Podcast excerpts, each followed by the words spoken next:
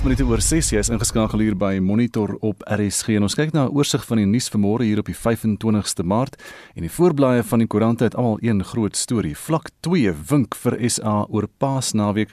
Oppositie en NG Kerk spreek sterk teenkanting uit en dit is dan um, die nasionale COVID-19 bevelsraad wat aanbevelings ontvang het van die advieskomitee om die land dan nou spesifiek oor Paasnaweek op vlak 2 van die inperking te plaas. En dan op die voorblad van die burger is daar ook berigte en sê Wynland se eie Bonnie en Clyde gevang en daar's foto's hier van Nelmarie van der Westhuizen en Petrus Wilders. Hulle het glo soos 'n waffer se Bonnie en Clyde 'n misdaadspoor in veral die Kaapse Wynland agtergelaat. Ook op die voorblad van die burger is 'n foto van 'n visie. Dis 'n is 'n blaasoppie. Talle giftige blaasoppies spoel uit, maar hoekom? En daar lê die uitgespoelde een nou daar in Valsbaai. Hy dink daar nog heel lewendig. Beeld se voorblad vandag uh, dan ook die storie natuurlik oor die oor die vlak 2, maar die ander foto hier van Mars en wat ons ook gister oor gepraat het, stukkie van planeet dra sy naam en is nou die Ingenuity helikopter in die lug en ehm um, dit gaan oor Japie van Sail, dokter Japie van Sail. Soos met alles ten opsigte van die Mars helikopter is die so 'n ontplooiing nog nooit voorheen gedoen nie. En NASA het hom dan nou spesiaal vereer deur 'n stukkie van Mars na hom te noem daardie van seil uitkykpunt of van seil overlook op Mars waar die helikopter gaan vlieg.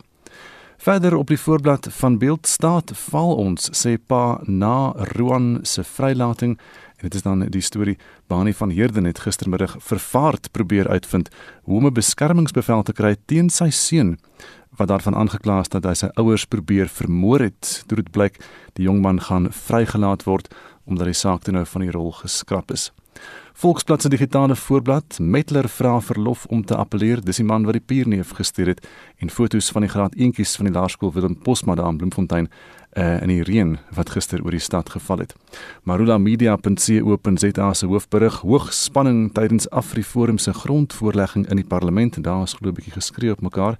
Business Day vandag 'n slegte week vir Gwede Mantashe en internasionaal by bbc.com Noord-Korea vier twee ballistiese missiele af en uh, Pyongyang is glo uh, verbied om hierdie soort van missiele te toets wat hulle in die see van Japan ingeskiet het. En um, in Duitsland het uh, kanselier Angela Merkel um, toe nou teruggekrabbel en haar sterk inperking wat sy oor uh, Paasfees aangekondig het dadelik weer gekanselleer want hulle was nie gereed nie en sy het om verskoning gevra vir die mense daaroor. En dis net so vinnige oorsig oor vanoggend se nuus. Dis nou kwart oor 6. Die RGN het 'n opname onder landsburgers gedoen en bevind dat swart Suid-Afrikaners meer gewillig is om hulle regte op te offer as hulle wit landgenote in die stryd teen COVID-19. Altesaam 87% van die die respondente was bereid om hulle regte prys te gee om die virus te bekamp. Wat swart Suid-Afrikaners betref, was sowat 81% bereid om hulle regte prys te gee, terwyl 58% van wit Suid-Afrikaners bereid was om dieselfde te doen. Nou wil ons vanoggend weet of jy bereid is om sommige van jou regte prys te gee om die virus te beveg. En sê vir ons ook hoekom of hoekom nie. Stuur 'n SMS na 45889, dit kos R1.50 of gaan na facebook.com vorentoe skynstreep ZRC of WhatsApp vir ons stemnota na 076 536 6961 En ons bly by die storie van die RGN het die bevindinge van sy studie by 'n webinar bekend gestel. Dit is nou 'n jaar sedert die inperking ingestel is om die verspreiding van COVID-19 te keer. Die studie is in 3 fases gedoen: van April tot Mei, Augustus tot Oktober en Desember verlede jaar tot Januarie vroeër vanjaar. Die uitvoerende hoof van die RGN se navorsingsafdeling Narnia Bowler Miller verduidelik die bevindinge van die navorsing.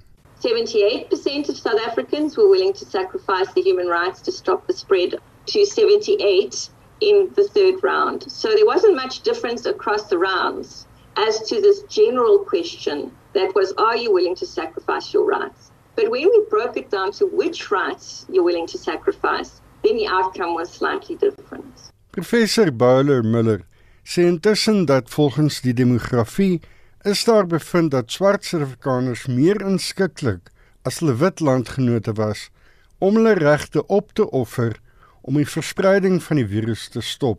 The demographic group most willing to sacrifice their rights were black South Africans at 81%.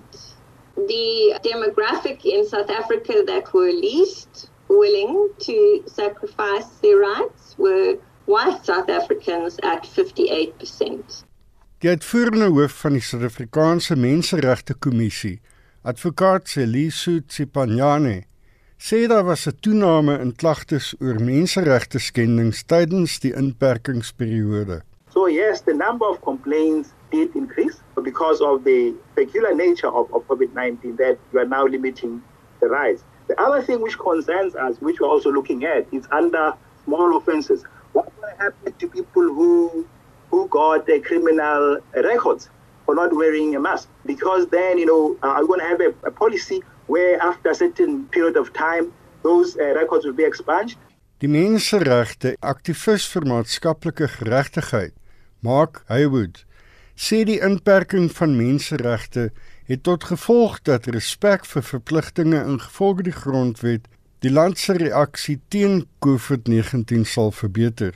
So there's a positive side that has to be much better understood. There are positive state obligations when it comes to socio-economic rights whose regression makes people more vulnerable to COVID-19, to spreading COVID-19 and to dying of COVID-19. Die RGN en die Menseregte Kommissie sê ten spyte van die feit dat hulle belangrike rolspelers is, wat die navorsing en beskerming van menseregte betref, het die nasionale koronavirus bevelsraad onder die voorsitterskap van president Cyril Ramaphosa hulle nooit om enige insette oor die stryd teen die virus gevra nie. Hierdie bydrae van Maluti Obuseng in Pretoria En ek is Hendrik Martin vir SAK nuus. Die Nasionale Instituut vir Oordraagbare Siektes waarsku dat massa byeenkomste tydens Paasvakansie waarskynlik tot 'n toename in COVID-19 gevalle sal lei wat 'n derde golf van die pandemie kan veroorsaak. Baie Suid-Afrikaners verkies om nie meer maskers tydens groot familiebyeenkomste te dra nie. Dit gebeur terwyl Suid-Afrika ook agterraak met sy inentingsdoelwitte. Vlak 1 van die inperking het baie Suid-Afrikaners 'n gevoel van vryheid oor die COVID-19 beperkings gegee. As 'n mens na die sosiale media en openbare ruimtes kyk, skep dit die indruk dat beperkings heeltemal opgehef is. 'n Aantal organisasies regoor die land beskryf die inperkings as onregverdig. Een so 'n organisasie is die Liberty Fighters Network. Hulle het die Gautengse Hooggeregshof genader om beswaar te maak teen die regulasies en veral die dra van maskers. Die president van die netwerk, Reino de Beer, is vasbeslote dat die land nie in 'n ramptoestand verkeer nie en dat daar geen bewyse is dat maskers besmetting deur COVID-19 voorkom nie. We are challenging all lockdown regulations. We believe that there was never a disaster in the first place. What is so totally ridiculous about the whole forceful wearing of masks, there are so many people who cannot wear masks. There's not sufficient information out there to, to actually tell people that you must wash your mask regularly. What they are trying to do is, is not helping at all. I, I don't wear a mask. Whenever I can skip wearing a mask, I, I take the opportunity. I don't need it and it makes me feel claustrophobic. Baie families het onder vlak 1 gekies om troues, verjaardagpartytjies en groot byeenkomste te hou sonder om sosiale afstand te handhaaf.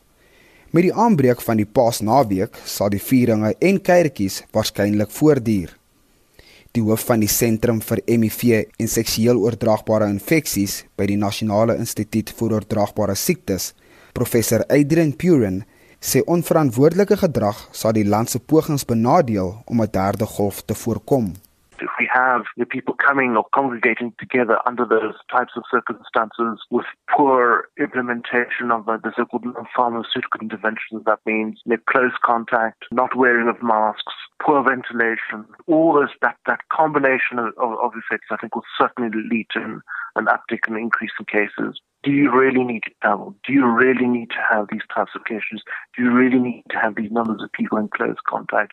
Terwyl Suid-Afrika se inentingsprogram reeds op dreef is, sê die adjunkminister van gesondheid, Joe Phaahla, dat die regering nie sy mikpunt sal bereik om 1,5 miljoen gesondheidswerkers teen April in te ent nie.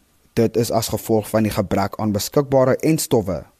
Die land beplan ook om 14 miljoen burgers teen die einde van die jaar in te ent. Professor Puren sê as die derde golf in Junie tref, soos tans voorspel, sou die land nie genoeg mense ingeënt het om te voorkom dat die virus vinnig versprei nie. We won't reach herd immunity. As you know, magical number is about 67%. We're nowhere close to that. And again, I think it was predicted that we would have a, a million, a million and a half in the first phase. So really, we're really going to have to scale up quite dramatically to really protect the, the healthcare workers. Intussen, sê aartsbiskop Daniel Mate van die St. John's Apostoliese Geloofsending, met die dreigende derde golf na Paasfees, het die kerk besluit om 'n goeie Vrydagdiens te kanselleer in 'n poging om die verspreiding van die virus te voorkom. What we are seeing it is we cannot hold the Easter because of this disease. It kills. It is very dangerous. So that is why we have cancelled the Good Friday for this year. And then we are having only Sunday prayer. Suid-Afrika het meer as 1,5 miljoen gevalle van die koronavirus aangeteken en meer as 52000 sterftes. En 'n aantal kenners verwag dit sal toeneem as sosiale gedrag nie verander nie. Vincent Mufokeng, SAK nuus.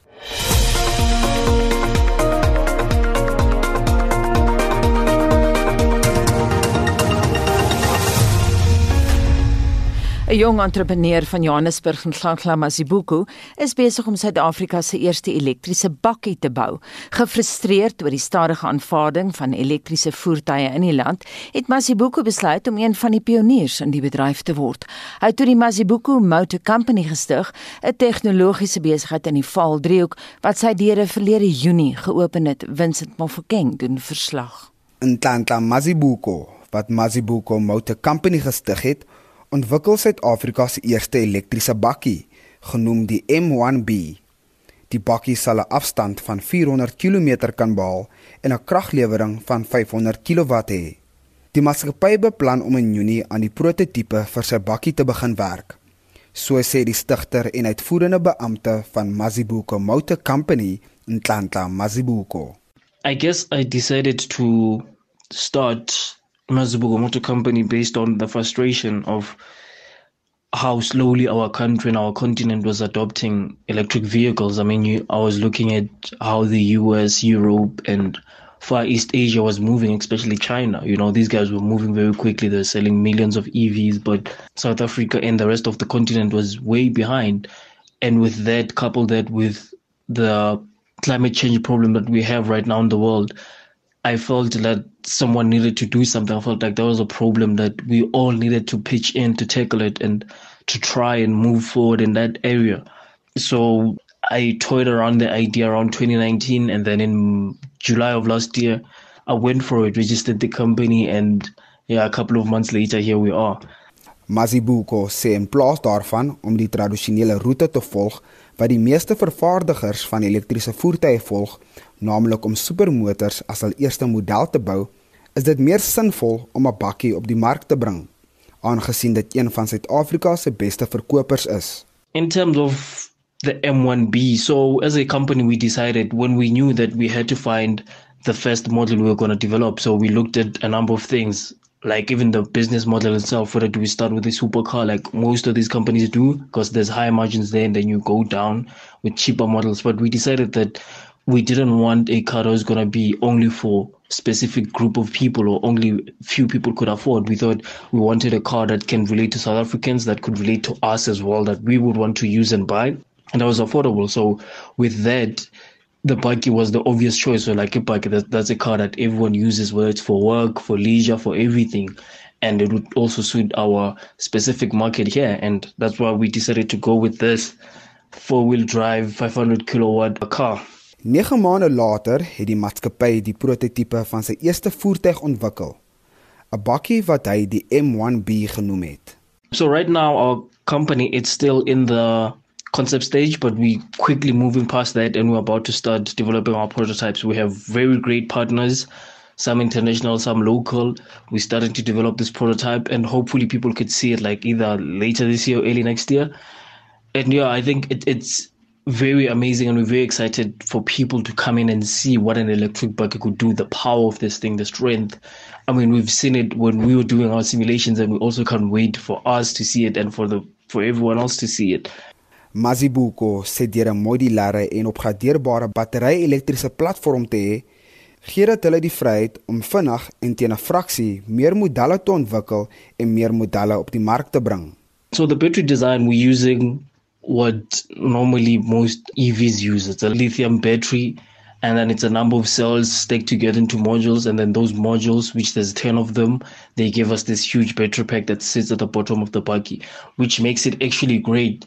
Because then, when you have this huge weight, it lowers the center of gravity. So, we expect this bucket to handle like nothing else. It's going to be heavy, but it's also going to give us very good handling. And then, in terms of the battery design itself, we can't say much about that right now because it's intellectual property of the company. So, but as development goes, we'll share most things with you guys.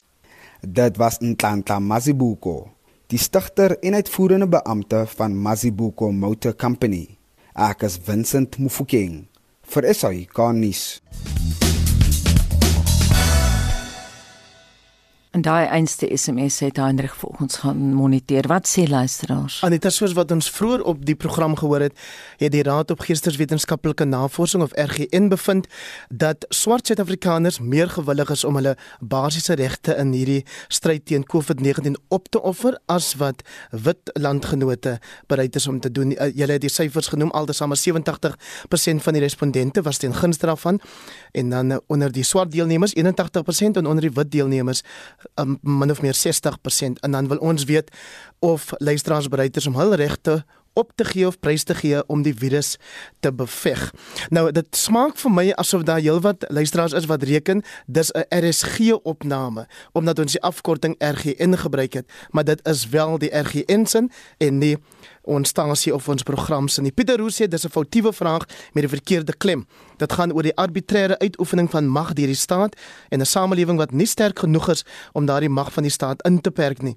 Dalk is daar 'n deel van die samelewing wat gedui onder paternalisme, maar daar is 'n deel van die Suid-Afrikaanse samelewing versprei oor kultuurgrense heen wat die beginsels van moderniteit aanvaar en nie meer onder 'n paternalistiese bedeling wil leef nie. Kathleen Nodee sê ek sal graag my regte opgee as ek my salaris kry en nie soos nou salarisse moet betaal nie. En dan gee DJ Skols wat sê bog in die tyd van level 5 en ek lees dit nou maar soos wat hy dit skryf um, het ek emergency werk by 'n staatshospitaal gedoen om COVID-sale reg te kry. Geen regte het hulle opgegee nie. As ek enige tyd van die laat aand of oggend ure huis toe ry, was die taverns vol, die karre het op en af gewoel asof daar nie curfews was nie. Mense het sonder maskers geloop en geen afstand was gehandhaaf nie. Dit om 'n paar goed te noem en dan verwys hy na die RGN in erg beledigende taal om dan die punt te maak hy reken hulle praat louter snert. Shamaine Rousseau sê en hoekom kom julle by dit uit? Ons het al ons regte opgegee sonder enige hulp van die staat en dan John Rana wat sê die een groot verskil tussen wit en swart is ons gevoel van community. Wit mense is selfgesentreerd terwyl swartes die ons bedink. Renay Creer sê en jy weet dit omdat jy wit is of omdat jy so dink. En dan sê John in reaksie daarop of ek wit of swart is is nie belangrik nie wat wel belangrik is asof ek die waarheid praat of nie.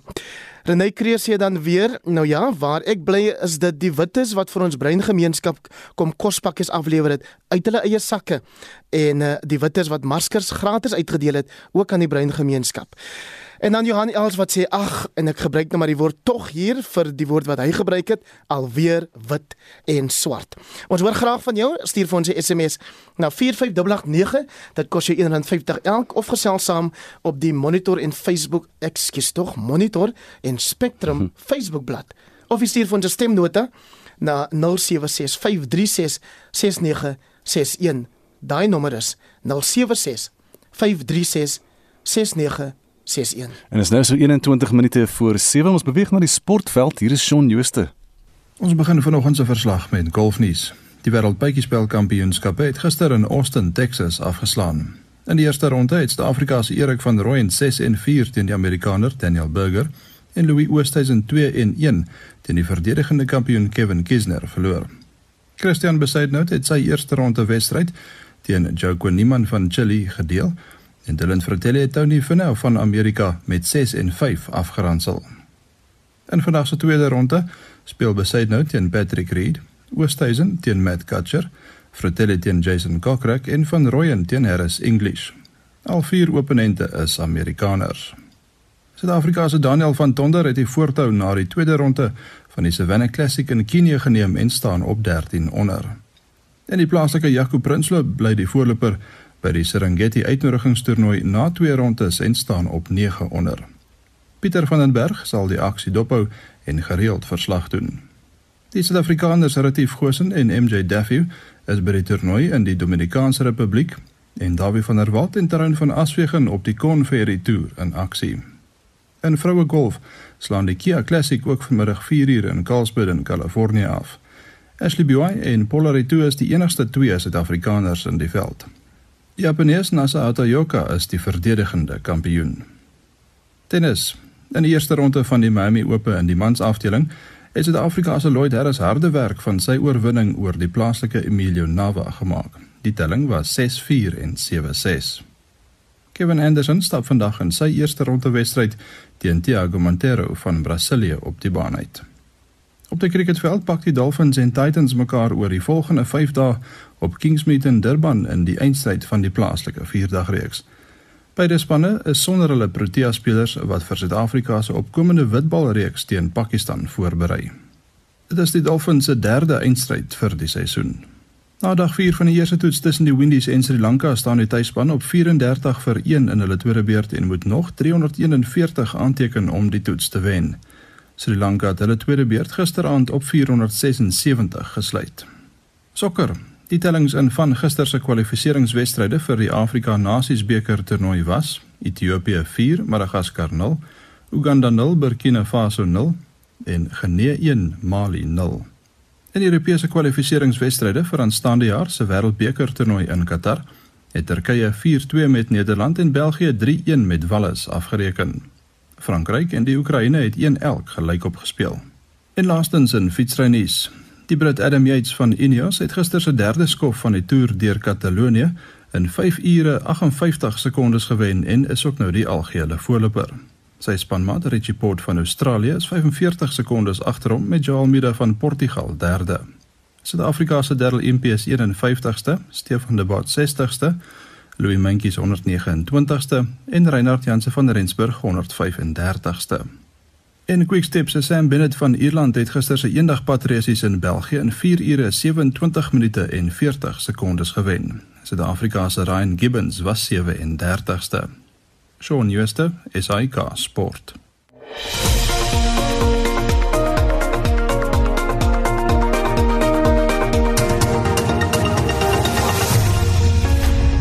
Kwart voor 7 by Monitor en die ANC in die Oos-Kaap het gewaarsku teen die vorming van parallelle strukture met alternatiewe beleidsrigtinge binne die ANC.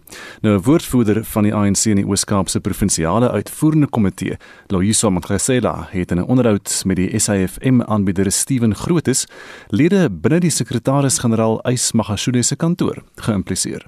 The tendency that we have observed is that there's a grouping within the ANC that has then decided to name itself as the RET, which then now poses a challenge to the organization. That in the organization there will be a particular group that really becomes merit and attaches itself to a particular decision amongst many decisions that the National Conference took. Those were the branches of the ANC, without doubt.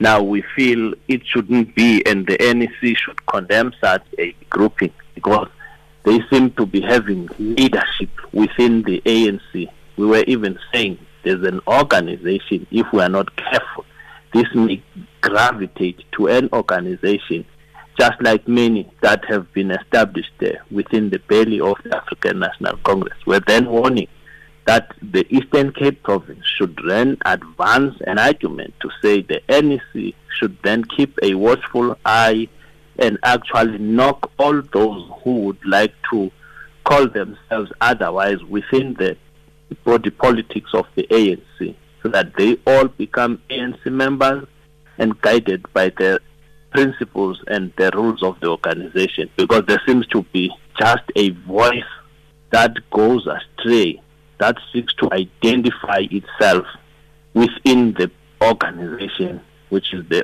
ANC family, then we were saying, let the NEC keep a watchful eye and control and guide all these uh, that really would posture and call themselves RET. That is what our stance was in as far as the RET is concerned. Do you believe that Ace Makashule, the Secretary General, is part of this?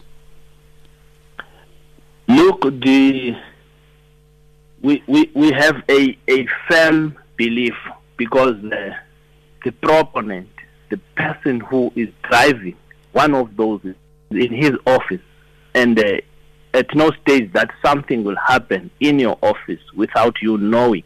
Even if you do not know, at least you should be able to observe the public utterances and writings by the person in your office. You're talking about Carl Niehaus, right? Yes. Okay.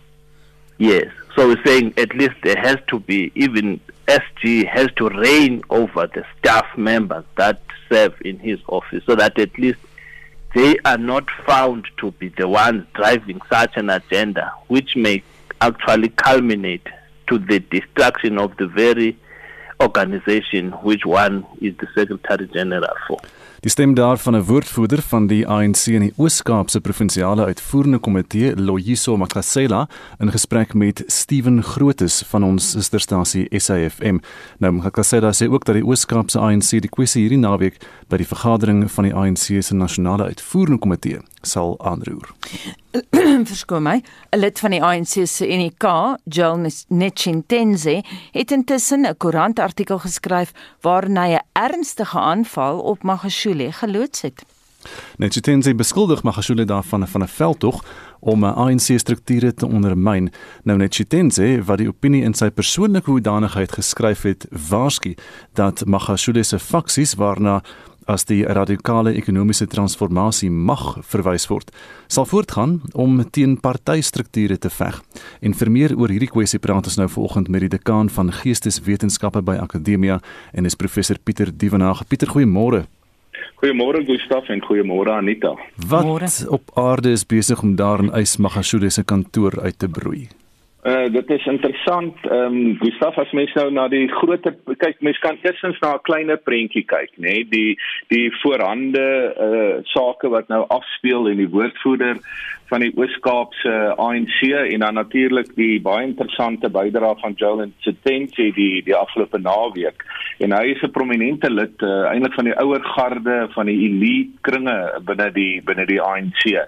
Maar um, ek sou graag um, dit so wou sien aan die een kant moet 'n mens kyk na die voorhande politieke gebeure rondom Ys Magashule, dis vir my die kleiner prentjie aan die een kant, maar aan die ander kant is daar ook 'n baie groter prentjie en dit is die die groter ehm um, vraagstukke wat op die tafel is binne die ANC se verdeeldheid. So daar's hierdie kleiner prentjie en dit is baie interessant. Dit lyk asof Ys Magashule uh, al hoe meer uh, in 'n hoek in beweeg uh by die in, in die ANC maar nou weet ons ook die ANC politiek is baie kompleks en dat die Oos-Kaap uh en dit is waar die bydrae vanoggend gebeur het is een deel van die ANC maar daar's ook nog KwaZulu-Natal, daar's die Vrystaat, daar's Mpumalanga, daar's al die verskillende komplekse mags blokke binne die ANC.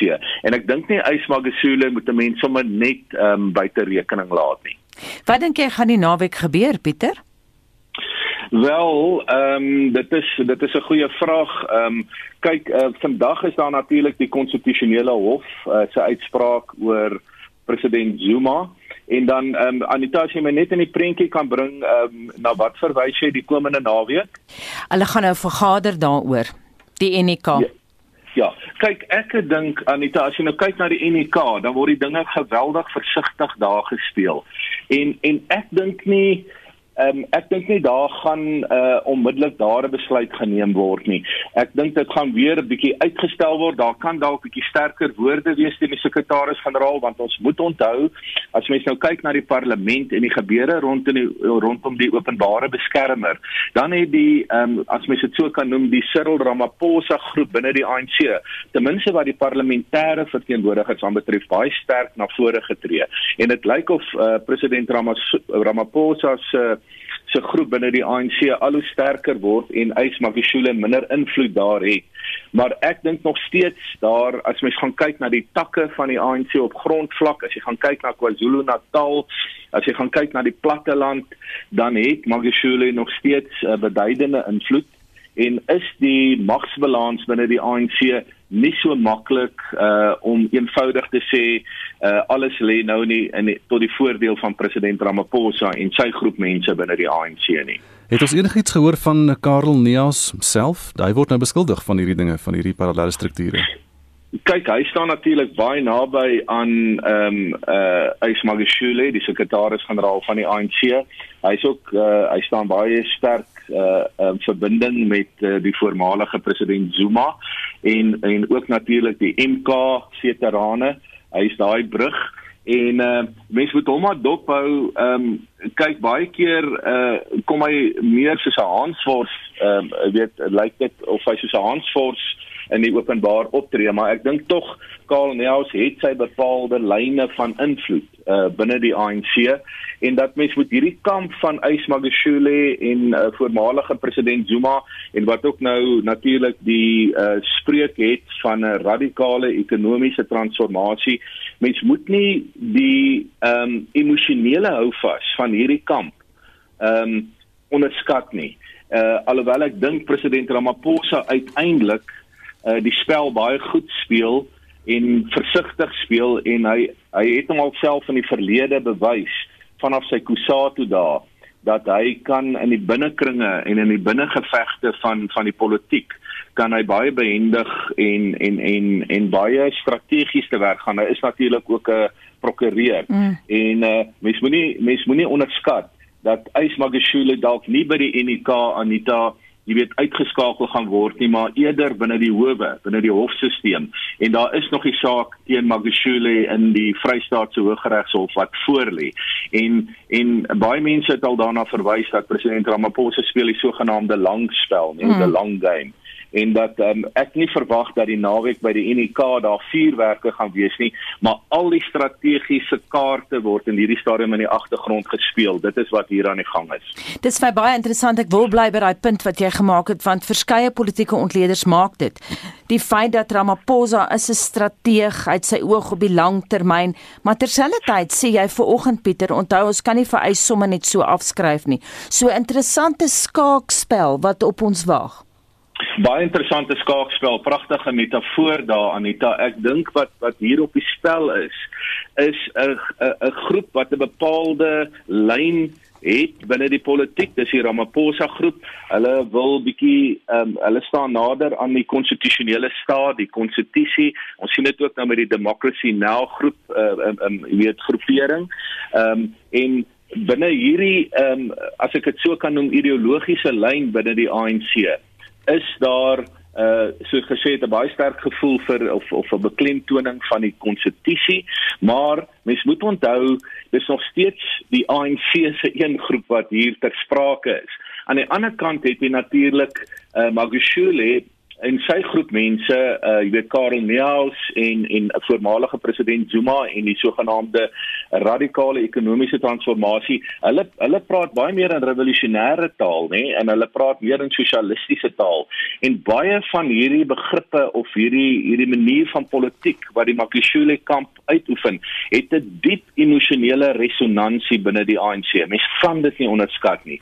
En dan bly natuurlik vir my die groot vraagstuk, ons het twee kampe by die ANC wat hier strydend is, maar wat het Suid-Afrika nodig, nê? Nee? Ons die groter publiek daar buite, uh, ons die kiesers wat nou hierdie dinge sien afspeel.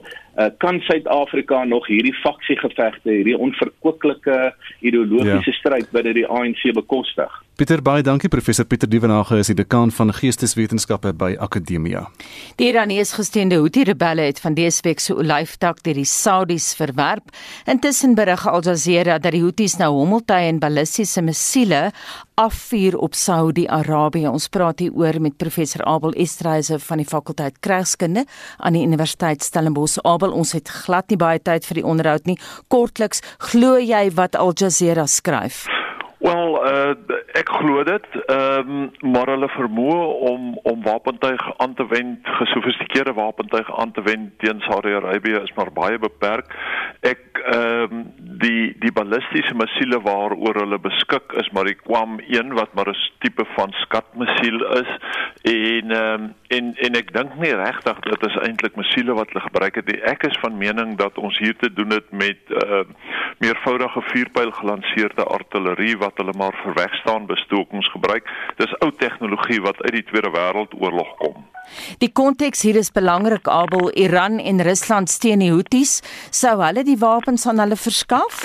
Ehm um, daar's baie uh, sterk vrae oor uh, Rusland uh, glad nie wil dit lyk maar indirek deur deur Iran natuurlik 'n onlangs gepubliseerde VN-verslag deur 'n sogenaamde panel of experts ek dink 'n paneel van kundiges verwys dat daar in in uh, in steede van dat die Houthis volledige wapenstelsels invoer, hulle toenemend komponente van wapentuig invoer en dit self op 'n robuuste wyse aan mekaar sit.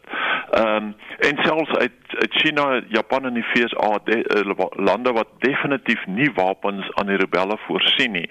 En natuurlik dit dit wil voorkom as hulle asof hulle geweldig baie wapentuig by byt van van die koalisiemagte wat teen hulle uh, ontplooi word. Mm -hmm. Nou die oorlog word gevoer deur Saudi-Arabië aan die een kant en die Iranese en die Russe aan die ander kant. So dis nie net 'n geveg, dit is belangrik vir die konteks tussen die Houthis en die Jemen regering van president Mansour Hadi nie. Beteken dit ons gaan toenemend gevegte buite Jemen se landsgrense sien? Ek twyfel. Ehm um, die die vraag hier is is of as die oorlog gaan gaan regionaal eskaleer. Ek twyfel. Ek dink nie die rebelle het die vermoë om dit te doen nie.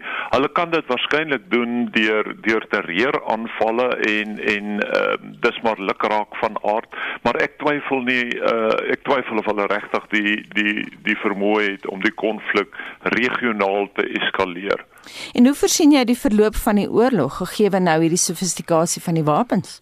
Ja, ehm um, die die koalisiemagte is natuurlik besig om 'n baie sterk blokkade af te dwing en dit het, het Jemen eintlik geografies geïsoleer en ons sien dat hulle dit nou uh, eintlik dwing see toe met 'n maritieme uh, bedreiging wat wat op see nou manifesteer.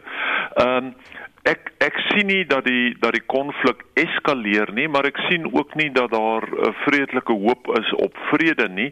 Vir die rebelle is dit 'n geval van solank as wat hulle die die konflik aan die gang hou, wen hulle. Dis maar die tipiese lae intensiteit konflik wat ons hiermee met te doen het. Hulle moet net die konflik van hulle kant af aan die gang hou en um, en daarom is hulle baie versigtig om in enige uh, vredesonderhandelings uh, betrokke te raak met uh, met met enige van die wag uh, van die die uh, koalisiemagte wat wat uh, teen hulle ontplooi. En en dis interessant, ek meen die FSA het nou met 'n inisiatief gekom, maar ek twyfel of dit gaan vrugte afwerk want die rebelle stel dood eenvoudig nie belang en dis nie in hulle guns om om uh, in enige onderhandelinge oor vrede in te gaan nie.